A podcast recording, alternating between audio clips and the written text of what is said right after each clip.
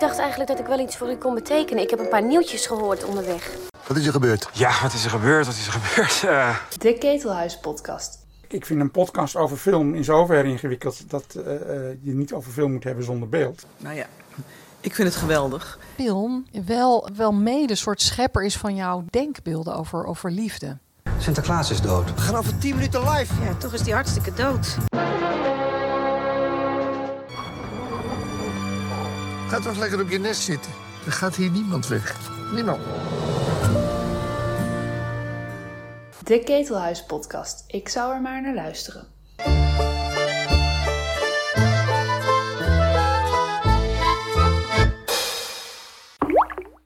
Welkom bij alweer de zesde editie van de Ketelhuis Podcast. Dit keer belt Nico van den Berg weer eens aan bij de filmzolder van Hans Berenkamp, waar de filmactualiteit in een historische context wordt geplaatst. Luister naar een gesprek over van alles en nog wat, onder meer over Johnny Depp en de zogeheten Hayes-code en over de verfilming van Kom hier dat ik u kus en het regisseren van films in familieverband. Daar zitten we weer op de filmzolder bij Hans Berenkamp thuis. Net zoals de vorige keer pakken we iets uit de actualiteit en we pakken een thema eh, waar Hans Berenkamp weer zijn filmhistorische blik op kan werken. En als eerste de vraag, Hans, wat is je opgevallen uit de filmactualiteit? Uh, het ontslag van Johnny Depp bij de serie Fantastic Beasts. Het vervolg op de Harry Potter cyclus.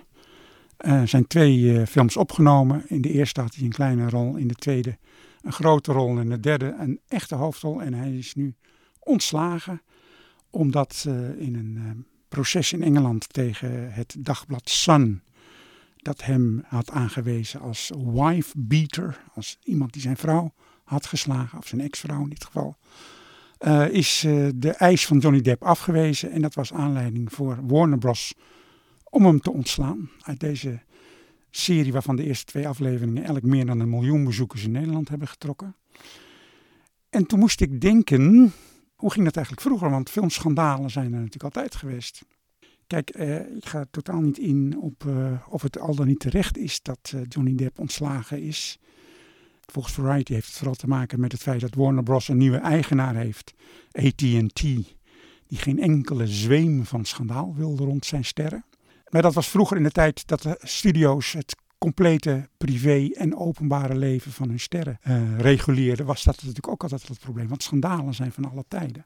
De studio maakte uit van een ster met wie die uitging. Als hij homoseksueel was, dan werd er een dame bij verzonnen. En daar werden dan ook uh, uh, foto's van gepubliceerd. En ja, de ster had verder niet zoveel te vertellen. En dat was eigenlijk weer het gevolg van een nog eerder stadium. Dan kom ik bij de fameuze filmschandaal van Fatty Arbuckle, 1921. Zeg je dat iets? Nee, dat zegt me helemaal niets. Um, vertel je iets meer over bij welke studio ze zat en, en wat, voor, wat voor iemand dat precies was? Ja, nou, ik zal je even, dat is ik altijd last met een podcast, ik zal je even een foto laten zien, dan krijg je een idee. Fatty Arbuckle was geen dame, maar een heer. Hij heet eigenlijk Roscoe Arbuckle, maar woog meer dan 150 kilo en had daarom de bijnaam Fatty Arbuckle. Ik heb hier uh, The Pictorial History of the Silent Screen. Prachtig plaatjesboek. Um, je had uh, in de jaren tien had je de Keystone Cops. Oh ja, die, die ken ik nog wel inderdaad. Ja. uh, politieagenten in de films van Max Sennett. En er was één heel dikke agent bij. Dat was Fatty Arbuckle. Die later ook eigen films is gaan maken. Maar eerst met Chaplin. Hij was de ontdekker van Buster Keaton. Fatty Arbuckle was waanzinnig populair. en was ook dol op vrouwen. En vooral jonge vrouwen. En er is een, uh, in 1921 had hij een uh, groot feest gegeven in een hotel in San Francisco. Dat in de geschiedenis in is gegaan als The Wild Party. Oké, okay, en wat gebeurde daar? Nou, dat is nog, gaat nog wel een stukje verder dan een vrouw slaan. Een van de gasten was een verloofde, een Virginia Rapp. Was de verloofde van een van de regisseurs van, van Fatty Arbuckle. En uh, die kreeg ineens hevige krampen. En is een dag later uh, overleden aan een gescheurde blaas. Waarschijnlijk na een uh, seksuele aanval door Fatty. Die met al zijn 150 kilo zich op haar had geworpen. Hij werkte toen voor Paramount. En het was meteen duidelijk dat dit uh, een schande was. En de publieke opinie, er kwam ook een proces. Zelfs tot twee keer toe is er een proces gevoerd tegen Arbuckle wegens doodslag, CQ, uh, dood door schuld. En in beide gevallen was de, de jury hung, zoals dat heet, die kwam er niet uit. Dus uiteindelijk is hij in tweede instantie vrijgesproken. Maar wat er gebeurde was dat het publiek zich tegen hem keerde en niets meer van hem wilde weten. Maar eigenlijk nog meer dan dat het publiek zich tegen Fatty keerde, keerde het publiek zich tegen het Sodom en Gomorra, wat Hollywood was. En dat is eigenlijk toen de aanleiding geweest om de Hayes Office in, uh, in het leven te roepen. Dat was een bureau dat ging reguleren, reguleren hoe Hollywood omging met uh, het imago van zijn sterren, maar ook met bepaalde zedelijke grenzen die werden gesteld aan wat er in films wel of niet mocht gebeuren. Er was bijvoorbeeld een bekende regel in, uh, in het Hayes-reglement. Uh, als er in man en vrouw in of op een bed zaten, moest er altijd minimaal één voet op de grond staan. Dat is inderdaad de bekende Heescode, want ja. die, die ken ik dan weer wel. Maar eigenlijk zeg jij met zoveel woorden, uh, die Heescode heeft Hollywood eigenlijk door uh, eigen gedrag over zichzelf afgeroepen ja. in die tijd. Ja, het, het, idee, bij, en dat is, dat is een interessant verschil met nu. Nu als een ster over de schreef gaat, dan wordt hij door, door een deel van het publiek, dus een deel altijd dat de ster trouw blijft en een ander deel dat zich erop werpt en zegt van de, deze schandalige uh, figuur willen we niks mee te maken hebben. In die tijd richtte de volkswoede zich vooral tegen Hollywood als instituut. Als uh, plek waar geen grenzen waren en waar het, de, de, christelijke natie die Amerika toch was uh, onder vuur kwam te staan. En hoe lang heeft die Hayes-code eigenlijk nog, uh, nog bestaan? Die Hayes-code is uh, officieel pas in werking getreden in midden jaren 30. Dus daar zijn ze nog wel even mee bezig geweest om dat te fine-tunen. En is nou, tot, eigenlijk wel tot in de jaren 50 volgens mij doorgegaan. En um, Fatty Arbuckle, moet ik nog even zeggen, is um, doorgegaan onder een pseudoniem, een fantastisch pseudoniem als regisseur, namelijk Will B. Good, will be good. uh, en uh, werd vooral uh, geprotegeerd door Buster Keaton, die inmiddels een veel grotere ster was dan Fatty Arbuckle ooit geweest was. Maar omdat Arbuckle hem zijn eerste kans had gegeven, heeft Keaton ook vaak hem in dienst genomen en een deel van zijn gage soms afgestaan aan Arbuckle, die echt niet meer aan het werk kwam in, in Hollywood. Het grote verschil is dus nu dat het open ligt, dat het publiek uh, en, social media en ook de pers zich niet meer laat leiden door uh, wat Hollywood uh, verordoneert. Of de waarheid die wordt opgeroepen door de studio's.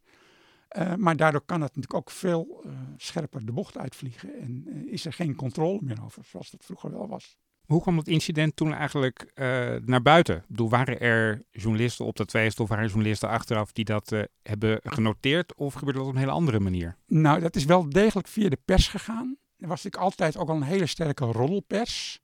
De Hedda Hoppers en... Uh, die werden wel degelijk, maar die werden voor een belangrijk deel gerund door de studio's. Die liepen aan de leiband van de studio's. Maar hier in dit geval was er wel degelijk, uh, nou er was iemand overleden. Dus daar komt politie bij, daar komt justitie bij. En er kwam een proces. Dus dat is wel degelijk in de, in de pers uh, gegaan. En de studio's hadden toen ook nog niet de almacht dat ze dat konden managen. Dat hebben ze later wel onder controle gekregen. En ja, je, je kunt je natuurlijk, ik zou zijn bijna zeggen, ter discussie, wat was beter? Dat de studio's het privéleven van de sterren manageden. Of uh, dat je het aan de social media overlaat om daar een oordeel over te hebben. Maar eigenlijk zou je in deze tijd kunnen zeggen dat aan een acteur, ja, waar, waar net zoals bij Johnny Depp dan zo'n reputatie op een gegeven moment aan gaat kleven, dat die op een gegeven moment ook niet meer aan het werk kan komen. Of dat ook een bepaalde studio zegt van hier doen we geen zaken meer mee. Net zoals nu eigenlijk ook met hem is gebeurd. Nou ja, dat is met Kevin Spacey ook gebeurd. Uh, en er zijn meer voorbeelden. Ja, en, en je weet, zolang er geen proces is geweest, is het ook onduidelijk wat daar nou wel of niet de basis van is. Maar het ligt in ieder geval veel gevoeliger. Je kunt eigenlijk minder je veroorloven dan in de, als ster dan in de jaren 30. Uh, kon je dus zelfs wegkomen met uh, dood of schuld. Gaan we nu naar een periode waarin er misschien een soort van ongeschreven heescode... Nou ja, er zijn codes. Er zijn dingen die je beter niet kan doen als ster. En die zijn dan, uh, dat is natuurlijk verschoven, vooral in de richting van... Uh, je moet uh, mensen geen dingen tegen hun wil laten overkomen. En dat lijkt me op zich heel goed. Alleen je weet nooit wat er precies aan de hand is. Dat is, blijft het probleem. Try to avoid people who write incredibly ludicrous fiction about you and your family. I probably also say, um, yeah, if anybody gives you any shit, just beat the fuck out of them. IJs en wederdienende als het coronavirus niet weer roet in het eten gooit, gaat op 10 december de film Kom hier dat ik u kus in première van Sabine Lubbe Bakker en Niels van Koevoorde.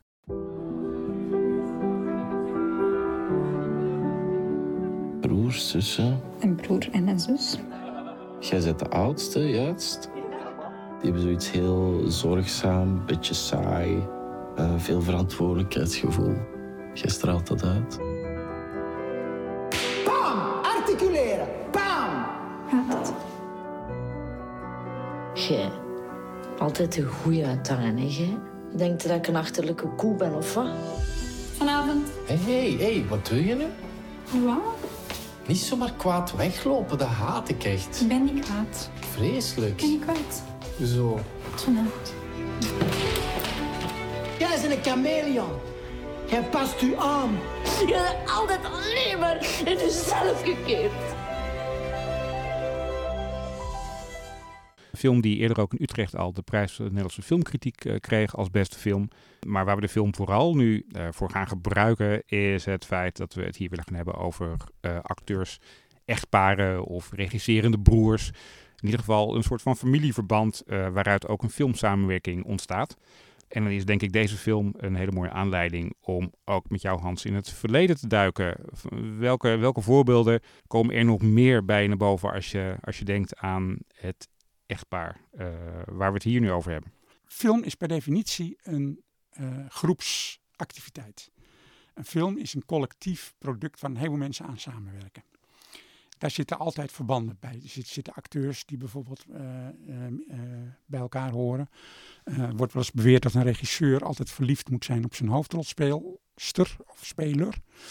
Um, wat wel zo is in zo'n collectief product wat een film is, is er een soort afspraak dat er één iemand uiteindelijk de baas is en dat is de regisseur. Producent is natuurlijk nog weer daarboven degene die het geld op tafel heeft gelegd. Dus die kan dingen vetoen of sturen. Maar op de set is de regisseur de baas. En dat is eigenlijk in principe altijd één iemand. En wat mij nou interesseert is wat er gebeurt als die eindverantwoordelijkheid voor een film gedeeld wordt. Um, er zijn eigenlijk, denk ik, maar heel weinig films relatief waar er twee uh, namen op de regiecredit staan. Uh, misschien is wel het bekendste voorbeeld uh, Singing in the Rain, Stanley Donen en Gene Kelly, die verder niets van elkaar waren, ja, goede vrienden. Uiteindelijk is die vriendschap stuk gelopen op dat ze het niet eens werden bij een film. De film na Singing in the Rain, It's Always Fair Weather, hebben ze zo'n ruzie gekregen dat het ook nooit meer is goed gekomen. Maar heel vaak zijn die twee namen die dan gezamenlijk een credit hebben, zijn broers. Begon natuurlijk al met de gebroeders Lumière, Louis en Auguste. Allereerste, uh, nou, zeg maar de uitvinders van de film. Waarbij Louis dan de regisseur was en Auguste meer technische ondersteuning. Dus dat is een beetje een flauw voorbeeld. Maar de allereerste films die we kennen waren dus van twee broers. Nou, dan kennen we natuurlijk allemaal de Coen Brothers, Joel en Ethan. Het is een beetje onduidelijk hoe die rolverdeling is. Ik denk dat broers in principe beter kunnen samenwerken dan echtparen, maar daar kom ik zo op. Dat zie je bijvoorbeeld bij Joel en Ethan, die hebben een soort afspraak hoe ze de credits verdelen. Officieel is Joel altijd de regisseur, Ethan is uh, scenario en productie. En de montage doen ze samen onder het pseudoniem Roderick James. En in praktijk doen ze geloof ik alles door elkaar heen. Is dat helemaal niet zo duidelijk omlijnd. Nou, bij broers gaat dat makkelijker. Uh, ander voorbeeld is Paolo en Vittorio Taviani, waarvan de, de oudste Vittorio inmiddels is overleden. Daarvan stond bekend dat ze het afwisselden en dat uh, ze om de beurt een scène regisseerden. Voor wat het waard is, want het leek me ook buitengewoon ingewikkeld om om de beurt een scène te regisseren. Maar eigenlijk is misschien het meest harmonieuze voorbeeld van filmende broers zijn de, de Belgische broers Dardenne. Uh, Jean-Pierre en uh, Luc Dardenne uit een stadje in de buurt van Luik, Serrain. Die al heel lang samenwerken. En ik heb, ik heb ooit uit België meegenomen een heel mooi boek over die broers. Oké, er komt uit kast nu een... eh, even kijken. Ah, een boek met groot op helaas in het Frans, maar al hun films, al hun samenwerkingen, interviews. En ik, ik heb dat niet helemaal gelezen, maar toch wel grotendeels. En ik kan helemaal niets vinden, ook niet in de bijgevoegde DVD, waarin ze uitleggen hoe ze nou precies die verantwoordelijkheid delen. Het enige wat ik heb gevonden is dat ze op een gegeven moment samen zeggen: zonder jou zou ik het niet gekund hebben. Met andere woorden, ze kunnen alleen maar die verantwoordelijkheid aan door hem te delen. En ik denk dat dat bij broers ook op, misschien op een meer vanzelfsprekende manier gaat dan bijvoorbeeld bij echtparen, waar toch ook vaak enige rivaliteit eh, meespeelt. Het feit dat je hetzelfde DNA hebt, maakt blijkbaar ook iets uit om iets waarvan we eigenlijk denken, nou, de regisseur die, die staat daar alleen. Hè. Dat gaat om ego, dat gaat om een bepaalde visie op de film. Dat werkt dan misschien beter eh, tussen twee broers die, eh, die eigenlijk uit hetzelfde nest komen, zou je kunnen Die zeggen. elkaar van jongs af aan hebben leren vertrouwen en eh, een, een, rolverdeling, een natuurlijke rolverdeling hadden, die je ook niet hoeft te codificeren of zo, of afspraken over te maken. Dat gaat vanzelf. Is één grote uitzondering op. Ik ken met één uitzondering na geen tweelingbroers die films maken. Omdat namelijk bij tweelingen vaak die rivaliteit wel eh, groot is en soms ook de pan uitrijst. De enige tweelingbroers die ik heb kunnen vinden die samen regisseren, dat zijn de broers Timothy en Stephen Kay, Kay Brothers. Eh, die maken poppenfilms en een beetje avant-garde films, Amerikanen in Londen. En ik ben ook een keer bij hen op bezoek geweest in hun, eh, in atelier in Londen. En dat gaat allemaal buitengewoon harmonieus. En ja, dat, er zijn tweelingen die het heel goed samen kunnen vinden, maar dat komt niet heel vaak voor. Kan je, als je films van de Dardens bijvoorbeeld bekijkt, kan je dan ook zien dat ze door twee broers eh, zijn gemaakt? Of is dat iets wat je eigenlijk gewoon niet terug kan zien, maar alleen als feitje gewoon weet? Nou, wat ik zie is dat er veel warmte op de set is. Dat, dat voel je wel aan die films van Dardens. Ook ten aanzien van de, de, de acteurs en soms ook de niet-professionele acteurs. En eh, als je werkopnamen ziet van de Dardens, dan zie je ook hoe, hoe prettig die mensen allemaal met elkaar omgaan. Maar of dat nou is omdat het, omdat het twee broers zijn, ik zou dat niet durven zeggen. Ik ben wel op zoek gegaan naar van welke, welke eh, paren, regisserende paren we natuurlijk nog meer hebben. Kijk, meestal is er, een, is er wel een rolverdeling. Dat bijvoorbeeld een. eh, nou, bijvoorbeeld Bertrand Tavernier liet veel van zijn films schrijven door zijn vrouw, Colo. Ook onlangs eh, in, opgenomen in hetschimmenrijk.nl. Daar kun je precies vinden welke films ze dan eh, samen hebben gedaan. Iemand als Johan van der Keuken deed meestal zelf camera. En zijn vrouw, eh Nos van der Lely, deed dan geluid. Maar de regiecredit was van hem alleen. Er zijn regisserende echtparen zoals eh, Jacques Demy en Agnès Varda, die eigenlijk nooit samenwerkten. Ieder hun eigen projecten hadden. Agnès heeft wel na de dood van haar man twee of drie films over hem gemaakt. Maar Jacques Demy heeft nooit een film over Agnès Varda gemaakt. Met andere woorden, de man-vrouw verhoudingen zijn in die regisserende echtparen ook toch wel vaak volgens traditionele lijnen dat de man de baas is eh, en de vrouw volgt. Waar je het eigenlijk het meest tegenkomt, regisserende echtparen, is in de documentaire hoek. En ook in Nederland zijn er volgens mij een paar hele mooie voorbeelden van te vinden. Zeker, zeker. Nou kijk, het eerste aan wie ik denk is Joris Evans en Marceline Loridan. En een ander voorbeeld is Don Pennebaker en Chris Hedges, eh, ook documentairemakers. Eh, in beide gevallen is de man overleden en Marceline Loridan is inmiddels er ook niet meer. Eh, het is grappig, dat zijn allebei beroemde documentaire duo's. En er zijn een aantal opvallende overeenkomsten. In de eerste plaats is de man, was veel eerder beroemd dan de vrouw. En man is ook tussen de 25 en de 30 jaar ouder. Uh, dus is het logisch dat op een gegeven moment de beroemde Joris Evans en de beroemde Don, e. Don Pennebaker ook fysiek wat minder uh, goed in staat is om uh, alles, de, de, energie op te brengen die van een regisseur vereist wordt. En de vrouw neemt dat dan min of meer over. En ook na de dood van Pennebaker, of de, de laatste films van Pennebaker en van Evans, kun je ook vermoeden dat die voor een groot deel door hun 25 jaar jongere vrouw uh, zijn geregisseerd. Dat ze het wel er eindeloos over hadden en overleg hadden. Maar dat het uiteindelijk toch uh, de vrouw is die het meeste werk deed. En ook na de dood is doorgegaan met filmen zonder uh, hun mentor en inspirator. Hoe dat nou precies zit met Niels van Koevoorde en Sabine Lubbe-Bakker, dat weet ik niet. Ik heb daar ook nog weinig over gelezen, hoe die verhouding is. Het is wel zo dat ze allebei ook uit de documentaire hoek komen. En er is één ding duidelijk, dat is dat Niels de camera doet. zijn twee operators, zag ik in de credits. Maar Niels is in principe de director of photography. En Sabine Lubbe-Bakker is dan, denk ik, eh, meer misschien de regisseur die ernaast staat. Of ook degene die een relatief groter aandeel in het scenario heeft. Maar dat weet ik niet precies. Wat ik wel zie is dat in die film eh, de cameravoering buitengewoon curieus is, laat ik het zo formuleren. Wat is daar curieus aan? Wat gebeurt in die film is, het is gebaseerd op het boek uh, Kom hier dat ik kus van Griet Op de Beek. maar je ziet dat de acteurs nogal veel improviseren. Ik heb begrepen dat ze ook in de leer zijn geweest bij Meike de Jong die ook veel scènes laat improviseren door de hoofdrolspelers. Wat, je wat ik dan het gevoel heb als ik naar die film kijk, is dat heel erg de camera volgt het improviseren van de acteurs. Er is niet duidelijk afgesproken, op dat moment sta je daar op dat kruisje en komt de, de camera van die hoek en neemt dan het shot nog een keer van een andere hoek. Nee, de camera volgt als in een documentaire uh, het improviseren van de acteurs. Dus waar je dan naar zit te kijken is niet zozeer een speelfilm, van twee regisseurs, maar een documentaire over een speelfilm die acteurs maken. Met andere woorden, de camera volgt en is niet de baas. En de regisseur, weet ik niet hoe dat dan precies zit, maar ik denk dat hij ook wel heeft suggesties heeft gedaan van hoe die dialogen eruit moeten gaan zien. Maar in feite is de rol van de acteurs buitengewoon groot. En is de stijl eerder documentair te noemen dan uh, uitgekiende fictie zou je dan ook kunnen zeggen, zonder misschien al te, al te heel erg uh, te gaan uh, psychologiseren, dat wat je, wat je ziet en wat je ook net omschrijft, in hoe de film is opgebouwd en ook visueel in elkaar zit, dat dat haast een soort van weerslag zou kunnen zijn van de relatie tussen die twee? Nou, ik ben benieuwd naar de interviews. Ik heb er nog niet veel gelezen. Hoe ze dat precies samen zien en hoe ze dat hebben ingestoken en wat de afspraken daarover zijn.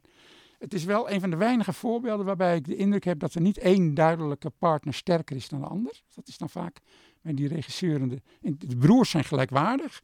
Bij de echtparen zie ik vaak dat er wel degelijk een soort hiërarchie is.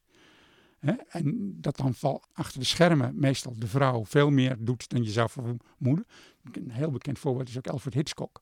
Zijn vrouw Alma was ontzettend belangrijk achter de schermen, maar die kreeg daar niet of nauwelijks credits voor, want dat was de film van Hitch. Uh, maar in dit geval heb ik het gevoel, nogmaals, ik weet niet precies hoe het gegaan is. Ik ben er niet bij geweest, ik heb er ook verder nog niks over gelezen.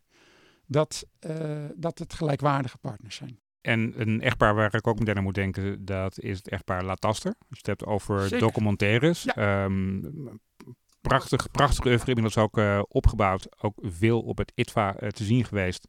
Kan je iets zeggen over hoe zij documentaires maken? Ja, je hebt dus Peter Lataster en, en Petra Lataster Zisch, oorspronkelijk afkomstig uit uh, Oost-Duitsland. Ik heb de indruk dat naar buiten toe Petra de film het, beste verkoopt, ook de meest uitgesproken ideeën uh, naar voren brengt. En dat Peter meer de uitvoerder is. Ik meen ook dat hij de camera doet. En uh, ik heb bij hun eigenlijk het gevoel dat Petra net iets dominanter is dan Peter. Maar dat kan ook zijn dat het niet zo'n prater is. Dat weet je natuurlijk nooit.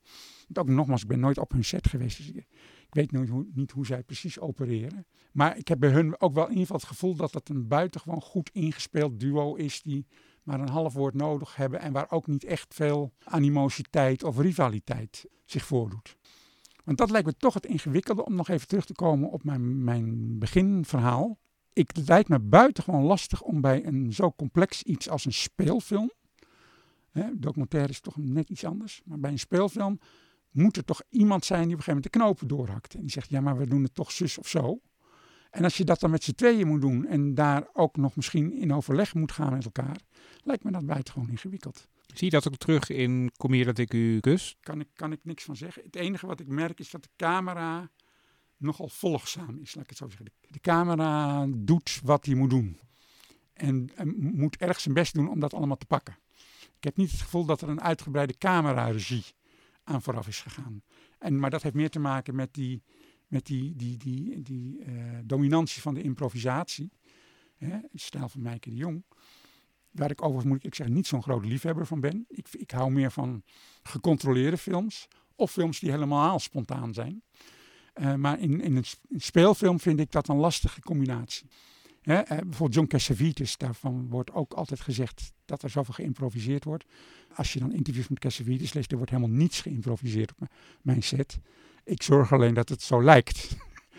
En misschien is dat in Kom hier dat Cucus ook wat geval hoor. Dat, dat, dat het een, schijnbare improvisatie is. Dat dat uh, nadrukkelijk de bedoeling is dat we denken dat het geïmproviseerd is. Maar dat geloof ik toch niet. Nee? Mijn, mijn, mijn water zegt dat het echte improvisaties zijn. Als je nog breder kijkt, dan zou je ook kunnen zeggen dat films bijvoorbeeld Aard van Warmerdam ook een familieaangelegenheid uh, zijn. Hè? Zijn, uh, zijn broer produceert, een andere broer die maakt de muziek.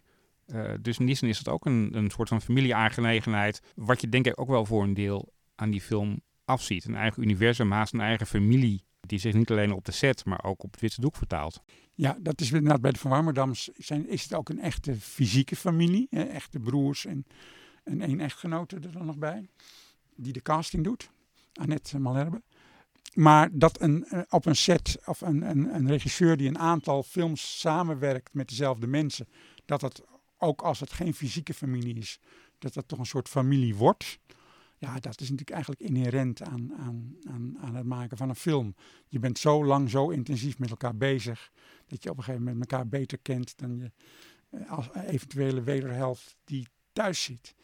En een van de prachtigste films, een van mijn lievelingsfilms moet ik zeggen, uh, die daarover gaat, is La Nuit Américaine, Day for Night van Truffaut, waar je dan helemaal ziet hoe zo'n familie van mensen die samen een film opnemen, met ook met alle ruzies die daarbij horen. Ja, hoe dat uh, ook tot iets prachtigs kan leiden, tot een soort uh, saamhorigheid en gevoel van we zijn samen met iets bezig. En dan hoeft die film helemaal niet zo ineens zo bijzonder te zijn, maar dat gevoel is natuurlijk heel sterk. En dat is inherent aan film, denk ik. Maar nogmaals, het is altijd een groepsgebeuren, het is altijd een familie, maar er is altijd ook een regisseur die uiteindelijk de baas is. En als je daar dus twee mensen voor neemt, dan is dat volgens mij een groot risico. Werkt dat per definitie dan ook minder? Nou, het Twee is kapiteins riskant, op één schip? Want het, het, het, zolang het goed gaat, gaat het goed. Maar op het moment dat er een conflict is, of dat je het niet met elkaar eens bent, dan voegt dat nog verder toe aan die stress die al rond filmopname hangt per definitie. Want het is altijd te kort tijd en te weinig budget. En, en, en, en een kat die niet doet wat je wil doen. En het weer dat niet meewerkt. En, en, en een budget wat te laag blijkt. Er zijn altijd honderden problemen. Maar er is altijd één figuur die dan moet zeggen: jongens, en nu gaan we dit doen. Nu gaan we linksaf. En als, er dan, ja, als je dan eens moet overleggen met je, met je, met je, je andere co-regisseur. of die misschien niet rechtsaf wil, lijkt dat me ingewikkeld. Is dat iets waar, waarom het bij de Dardens en bij de Coen Brothers misschien wel goed werkt? Omdat die volgens mij wel een duidelijke rolverdeling hebben, uh, ook in praktisch opzicht. Ja, en omdat ze ook niet snel ruzie zullen krijgen. Ik denk dat de band tussen broers, niet tweelingbroers, dat zeg ik er nadrukkelijk bij, want dan gebeuren, zijn er hele andere processen werkzaam. Maar dat die uh, natuurlijk je misschien het beste toerust voor een co-regie, als je dat al zou willen. Kijk, waarom doen mensen samen een film? Dat moeten we dat ook even bedenken. Wat daar de voordelen van zouden kunnen zijn. Dat is natuurlijk het bestrijden van onzekerheid. Van, je durft die verantwoordelijkheid net wel of net niet aan. En als je dan constant in overleg kan zijn met iemand die je volledig goed kent en vertrouwt. En, en, en, en met wie je in een soort symbiose verkeert. Ja, dan kan dat natuurlijk een ontzettende opluchting betekenen. Maar er moet niks misgaan, want dan heb je een aap gelogeerd. Ja, want dan, dan, Nou ja, dan, gaat je eigen werk er dan ook gaat aan. De hele, hele productie gaat eh op tilt. Aan het begin van de podcast hadden we het ook over het studiosysteem, onder andere. Wat je ook als één grote familie zou kunnen zien. Ehm, een, groot verschil met hoe, eh, distributeurs en studio's tegenwoordig werken. Als ik aan die tijd denk, dan denk ik ook gevoelsmatig dat het toen ook heel vaak voorkwam dat regisseurs of schrijvers of uiteraard ook eh, acteurs ook op een gegeven moment met elkaar trouwden of relaties aangingen. En dat het dus ook op het werk he- heel erg doorwerkte. Kan je daar iets over vertellen? Het begint natuurlijk met dat de regisseur verliefd wordt op zijn, zijn hoofdrolspeelster. Dat is zo klassiek. En er zijn ook regisseurs die zeggen dat moet, dat hoort zo. Welke zijn het onder andere? Nou ja, eh, eh, Roberto Rossellini en Ingrid Bergman, Vincente Minnelli en Judy Garland. De, de voorbeelden zijn echt, echt legio. En vaak werkte dat ook heel goed, zolang die huwelijken ook maar goed bleven, gaan. Maar op een gegeven moment, ja, dan kwam er toch altijd wel iets van jaloezie in. Of de regisseur werkte een keer met een andere hoofdrolspeelster en dan waren de rapen ook gaar. En de studio's hebben dit soort, soort verbintenissen natuurlijk ook altijd ontzettend opgepompt en, en, en uitgemolken. Ook al omdat ze natuurlijk zaten met een groot aantal homoseksuele regisseurs en acteurs. eh, waarbij eh, de buitenwacht dat absoluut niet mocht weten. Dus daar moest een heel soort schaduw systeem eh, omheen worden gehangen. Ik denk ook meteen aan Rock Hudson en Doris Day. Ja, Rock Hudson was een, was, een, was een voorbeeld. Cary Grant was natuurlijk een ingewikkeld geval. Die wilde steeds gen- zichzelf genezen. en de studio's werkten daar maar al te graag aan mee. En op een gegeven moment eh, heeft Cary Grant, ik weet niet of je dat verhaal kent, heeft Sophia Loren ten huwelijk gevraagd. Omdat hij dacht, als ik nou met Sophia Loren trouw, dan gaat die homoseksualiteit wel over. Maar ja, Sophia wilde niet. en genezen deed hij ook niet. Maar hij heeft zijn best gedaan. En ja, ik kan me voorstellen dat als je denkt, als ik dan toch een schijnhuwelijk moet beginnen, dan maar met Sophia Loren. Wat tragisch, ook Ja. voor, voor Grant zelf trouwens. Nou ja, het wordt ook altijd gezegd dat, dat de, de, de kracht van Grant en zijn charme is dat hij dus zijn leven lang toneel moest spelen en een, een act moest opbouwen en zichzelf tot een soort charmante versierer en vrouwenman eh, eh, moest herscheppen, terwijl hij dat helemaal niet was. Maar hij was zo van jongs af aan getraind om iemand anders te zijn, dat hij dat dan ook briljant kon. Wat is jouw favoriete eh, regisseurs-echtpaar? Nou, dan denk ik dat ik de, dat Tasters toch wel een heel goed voorbeeld vind van mensen waarbij ik de indruk heb dat het heel goed gaat. Misschien eh, weten zij wel beter. Is dit ook weer een, eh, een, een rookgordijn wat is opgetrokken. Maar aan die films voel ik dat er weinig frictie is. Het is ook nog dat ze uit verschillende culturen komen. Hè? Want als je in de DDR bent opgegroeid. Peter Latas was wel de zoon van een van de meest Moskou gezinde communisten in Nederland. Eh, maar was wel een Nederlander. En, en eh, ja, dat is toch een andere cultuur waar je uit voortkomt. En maar die twee hebben elkaar eh, gevonden in hun, hun filmsamenwerking. En ik heb de indruk dat dat buitengewoon vruchtbaar verloopt. Ja, ik zou dus zelf moet er niet aan denken om samen een, een productie te maken. Het is, echt, ik denk, het, het is schreeuwen om problemen. Nou, daardoor des, des te meer bewondering voor de echtparen eh, zoals de Latasters. Nou, de broers dan wat minder, maar zeker de echtparen die het dan wel een lange tijd volhouden. Nou, als, als er één relatietest is, dan is het wel samen eh, meerdere films maken, denk ik. Net als al die kruideniers en melkboeren en andere middenstanders die hun leven lang samen een winkel hebben gerund, die zijn er uiteindelijk ook uitgekomen. Hè, dus er zijn vaak omstandigheden waarin het in een beroep wel past om dat samen aan te pakken. Maar ik denk inderdaad, nou, als het dan toch moet gaan, dan zou maar, maar een documentaire maken. Dat lijkt me handiger dan een speelfilm. Hans, dankjewel voor deze mooie toelichting weer. Tot zover deze Ketelhuis podcast. Deze podcast wordt gemaakt door Hans Berenkamp, Nico van den Berg, Alex de Ronde, Floortje Smit en Lieselotte Roodbol. De Ketelhuismelodie werd zo'n 20 jaar geleden gecomponeerd door Sylvia Holstein. Je vindt de Ketelhuis podcast in je favoriete podcast app en natuurlijk op onze website ketelhuis.nl slash podcast. Hou ons in de gaten, we zijn snel weer terug met een nieuwe podcast.